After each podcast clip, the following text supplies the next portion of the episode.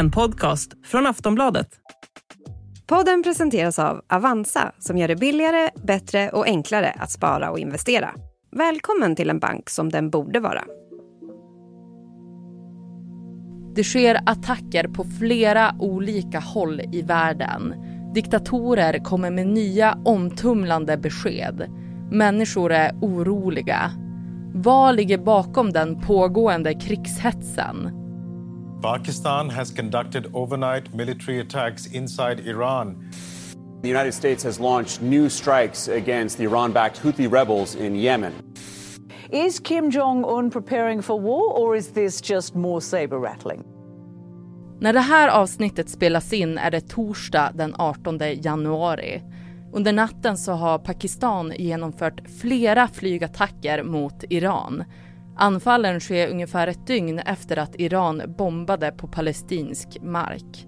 Många människor har dött i attackerna, bland annat flera barn.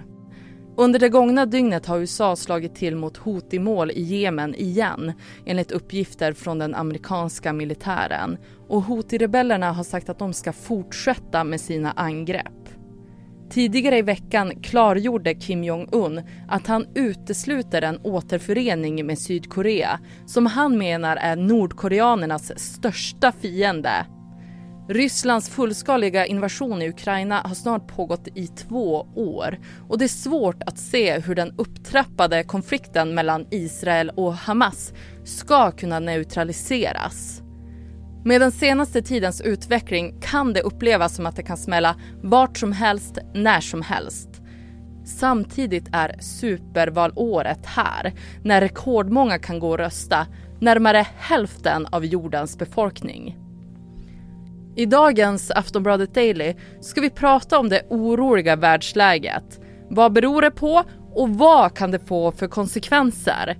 Jag heter Ellen Lundström.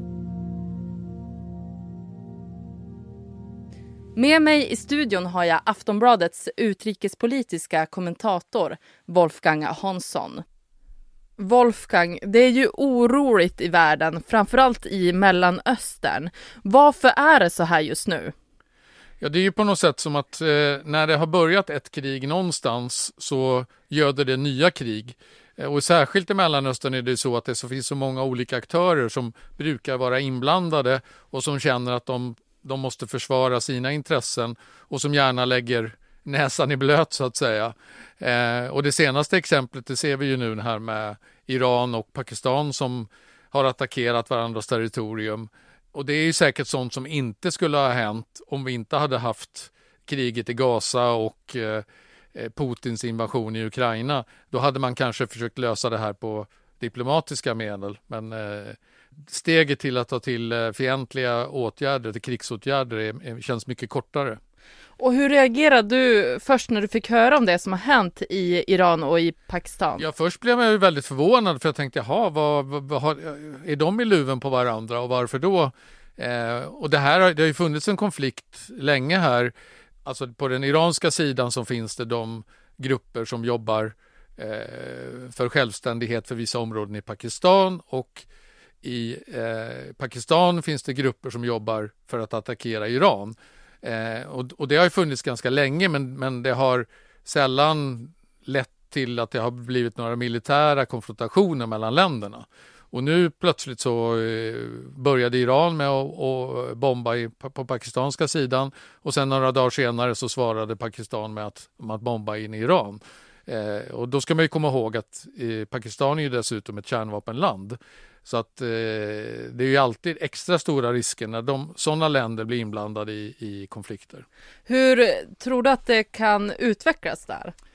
Förhoppningsvis så lugnar det ner sig. Nu har eh, Iran gjort sitt och Pakistan har svarat ganska modest och man har dessutom sagt att man eh, respekterar Irans territoriella integritet och så vidare så att man har verkligen liksom försökt tona ner den attack som man trots allt har gjort. Så att förhoppningsvis så, så lugnar det ner sig. Men det är ju så många sådana här saker som händer nu där eh, en attack lätt leder till en annan attack. Och även om ingen egentligen vill ha ett storkrig så är det ju lätt att det kan utvecklas i den riktningen eh, när det är så många olika små konflikter som bubblar hela tiden. Och du har skrivit om det här med att Iran och Pakistan nu direkt går till attack istället för att förhandla. Är det något som vi kommer att se mer av? Ja, alltså det är ju bara det senaste exemplet på när olika parter väljer att eh, sätta fingret på avtryckaren istället för att lyfta telefonluren och, och ordna ett möte. Eh, jag menar, vi har ju sett eh, hur Houthi-rebellerna i Jemen till exempel attackerar eh, civila fartyg i eh, Röda havet. Eh, de, de har ju egentligen ingenting att göra med konflikten mellan Israel och Palestina och ändå så vill de liksom lägga sig i det här och visa att de eh, minsann kan, kan agera på palestiniernas sida. Eh, och det här har ju lett till att USA och västalliansen de har liksom försökt förmå Houthi-rebellerna att sluta med det här, men när de inte har lyssnat på det så har eh, västalliansen svarat med att bomba eh, Houthiernas eh, raketramper och radarstationer därifrån de skjuter de här eh, missilerna mot eh, handelsfartygen. Och då har milisen i sin tur sagt att ja, men det spelar ingen roll om ni försöker stoppa oss, vi kommer ändå fortsätta. Och så har de nu träffat ett tankerfartyg i Röda havet och det här har gjort då att plötsligt nu så går nästan alla fartyg den här långa omvägen via Sydafrika istället för att gå genom Suezkanalen. Och det leder till väldigt kraftigt fördyrade transporter, det leder till problem i leveranskedjorna. Eh, det kan i förlängningen leda till ökad inflation i västvärlden och att de här räntesänkningarna som alla nu längtar efter som har bolån, att de kan skjutas på framtiden. Så det här påverkar ju även oss här, här hemma i Sverige. Och under veckan så har ju USA och Houthi-rebellerna fortsatt att beskjuta varandra. Kommer det att eskalera? Ja, det finns ju en stor risk för att det gör det eftersom västvärlden kan ju givetvis inte acceptera att handelsfartyg, alltså civila handelsfartyg som eh, har vanliga civila produkter som ska gå mellan eh, Asien och Afrika och, och, till Europa och till USA, att de attackeras med missiler. Eh, det är ju ganska givet. Det är ju liksom ett klart brott mot folkrätten att göra så som Houthi-rebellerna gör. Men de verkar ju inte ha några eh, planer på att sluta med det här. Så att så länge de fortsätter med det här så kommer förmodligen USA att svara. Och det är bara att hoppas då att det inte utvecklar sig till en en ännu bredare konflikt. Vad ligger bakom Kim Jong-Uns senaste utspel och hur kan presidentvalet i USA påverka världsordningens framtid? Det och mycket mer ska vi prata om när Aftonbladet Daily är tillbaka.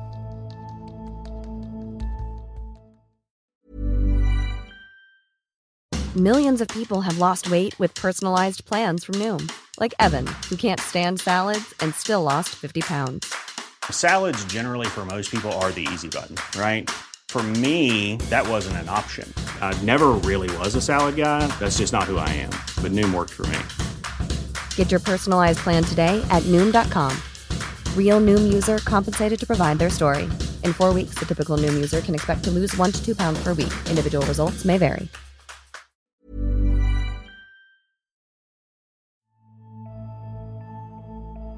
Den nordkoreanske diktatorn Kim Jong-Un har bestämt sig för att han inte vill återförenas med Sydkorea och sa under ett tal i måndags att grannlandet är deras största fiende. 대한민국이라는 최대의 적국이 우리의 가장 가까운 이웃에 병전하고 있는 특수한 환경과 Kan du berätta vad som egentligen händer där, Wolfgang? Ja, det är ju en del av världen som har varit väldigt orolig under lång tid. Och det har ju gått lite fram och tillbaka. Ibland har de försökt eh, samsas, Nord och Sydkorea, och ibland har det blivit mer eh, fientlighet emellan dem. Men det här anses av experter vara en väldigt, eh, ett totalt brott emot eh, hur Nordkorea agerat tidigare. För här, istället för den här återföreningen som man alltid har sagt att man vill ha, eh, på i och för sig då Nordkoreas villkor, så eh, förklarar man ju nu att Sydkorea är deras värsta fiende. Och eh, Nordkorea har en av världens största stående arméer och även om man är, inte har något eh, sån jättemodern vapenpark så har man eh, trots allt ett antal kärnvapen. Eh, så att det här är en väldigt farlig utveckling eh, för den här regionen. Och det här är väl, jag ser det här som ytterligare ett exempel på att eftersom det är så oroligt i världen så finns det en massa sådana här små påvar som man nu kan kalla Kim, Kim Jong-Un det som försöker liksom flytta fram sina positioner i skuggan av att det händer så mycket i världen. För att jag menar, normalt sett så är ju det framförallt USA, supermakten, som håller lite koll och som stämmer i bäcken när det är någon som försöker liksom sticka upp på det här sättet.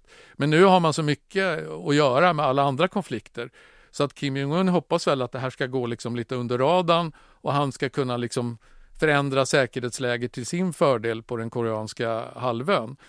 Och det vet vi i sådana fall, det innebär ju det gör han ju i sådana fall på Sydkoreas bekostnad. Och Sydkorea har nu en president som inte är lika eh, fredsinriktad som den förre presidenten var.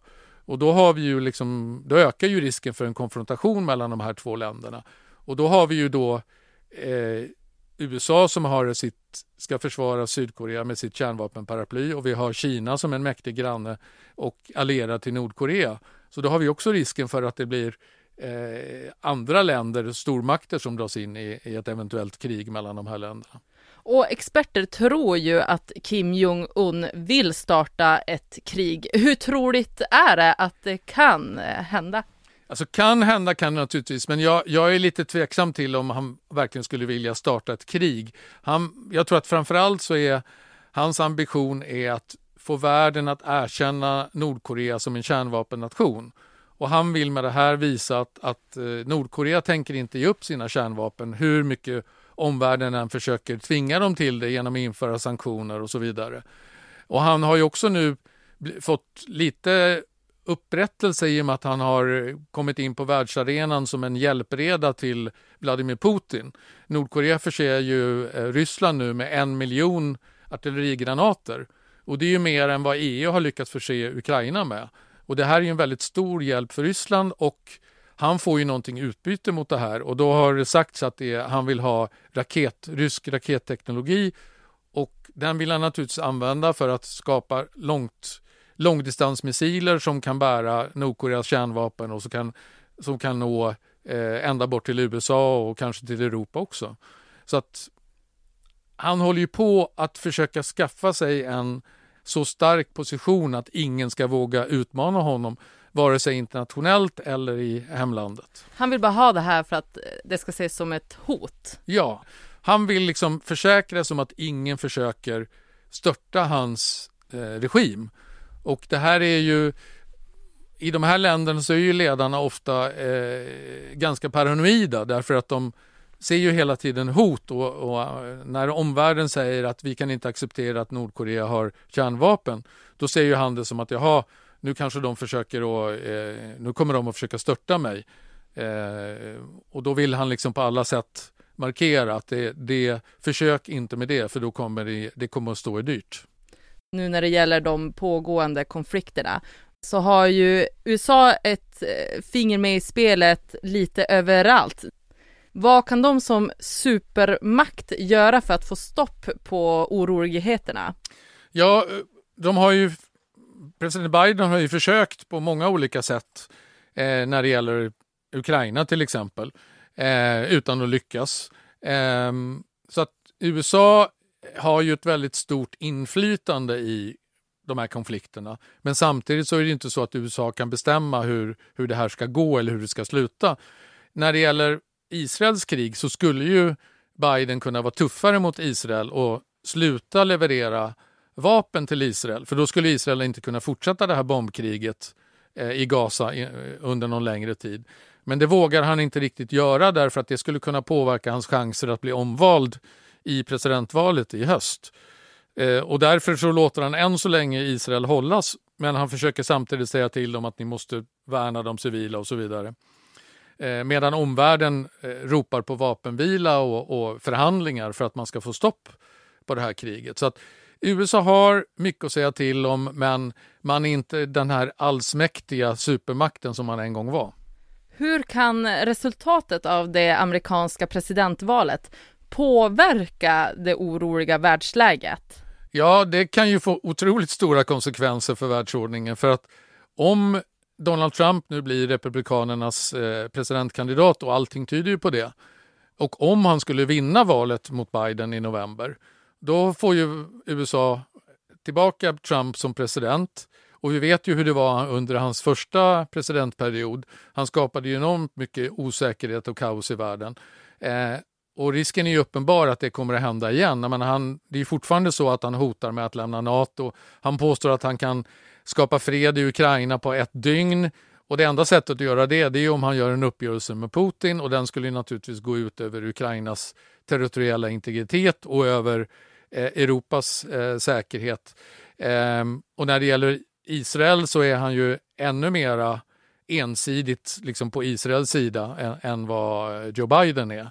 Eh, så att det, det, jag tror att det är väldigt många i världen som är väldigt oroliga eh, för att Donald Trump ska väljas till USAs president i höst och att det ska skapa ännu mer kaos. Tack Wolfgang. Tack. Det säger Wolfgang Hansson, Aftonbladets utrikespolitiska kommentator. Mitt namn är Ellen Lundström och du har lyssnat på Aftonbladet Daily. Vi hörs snart igen.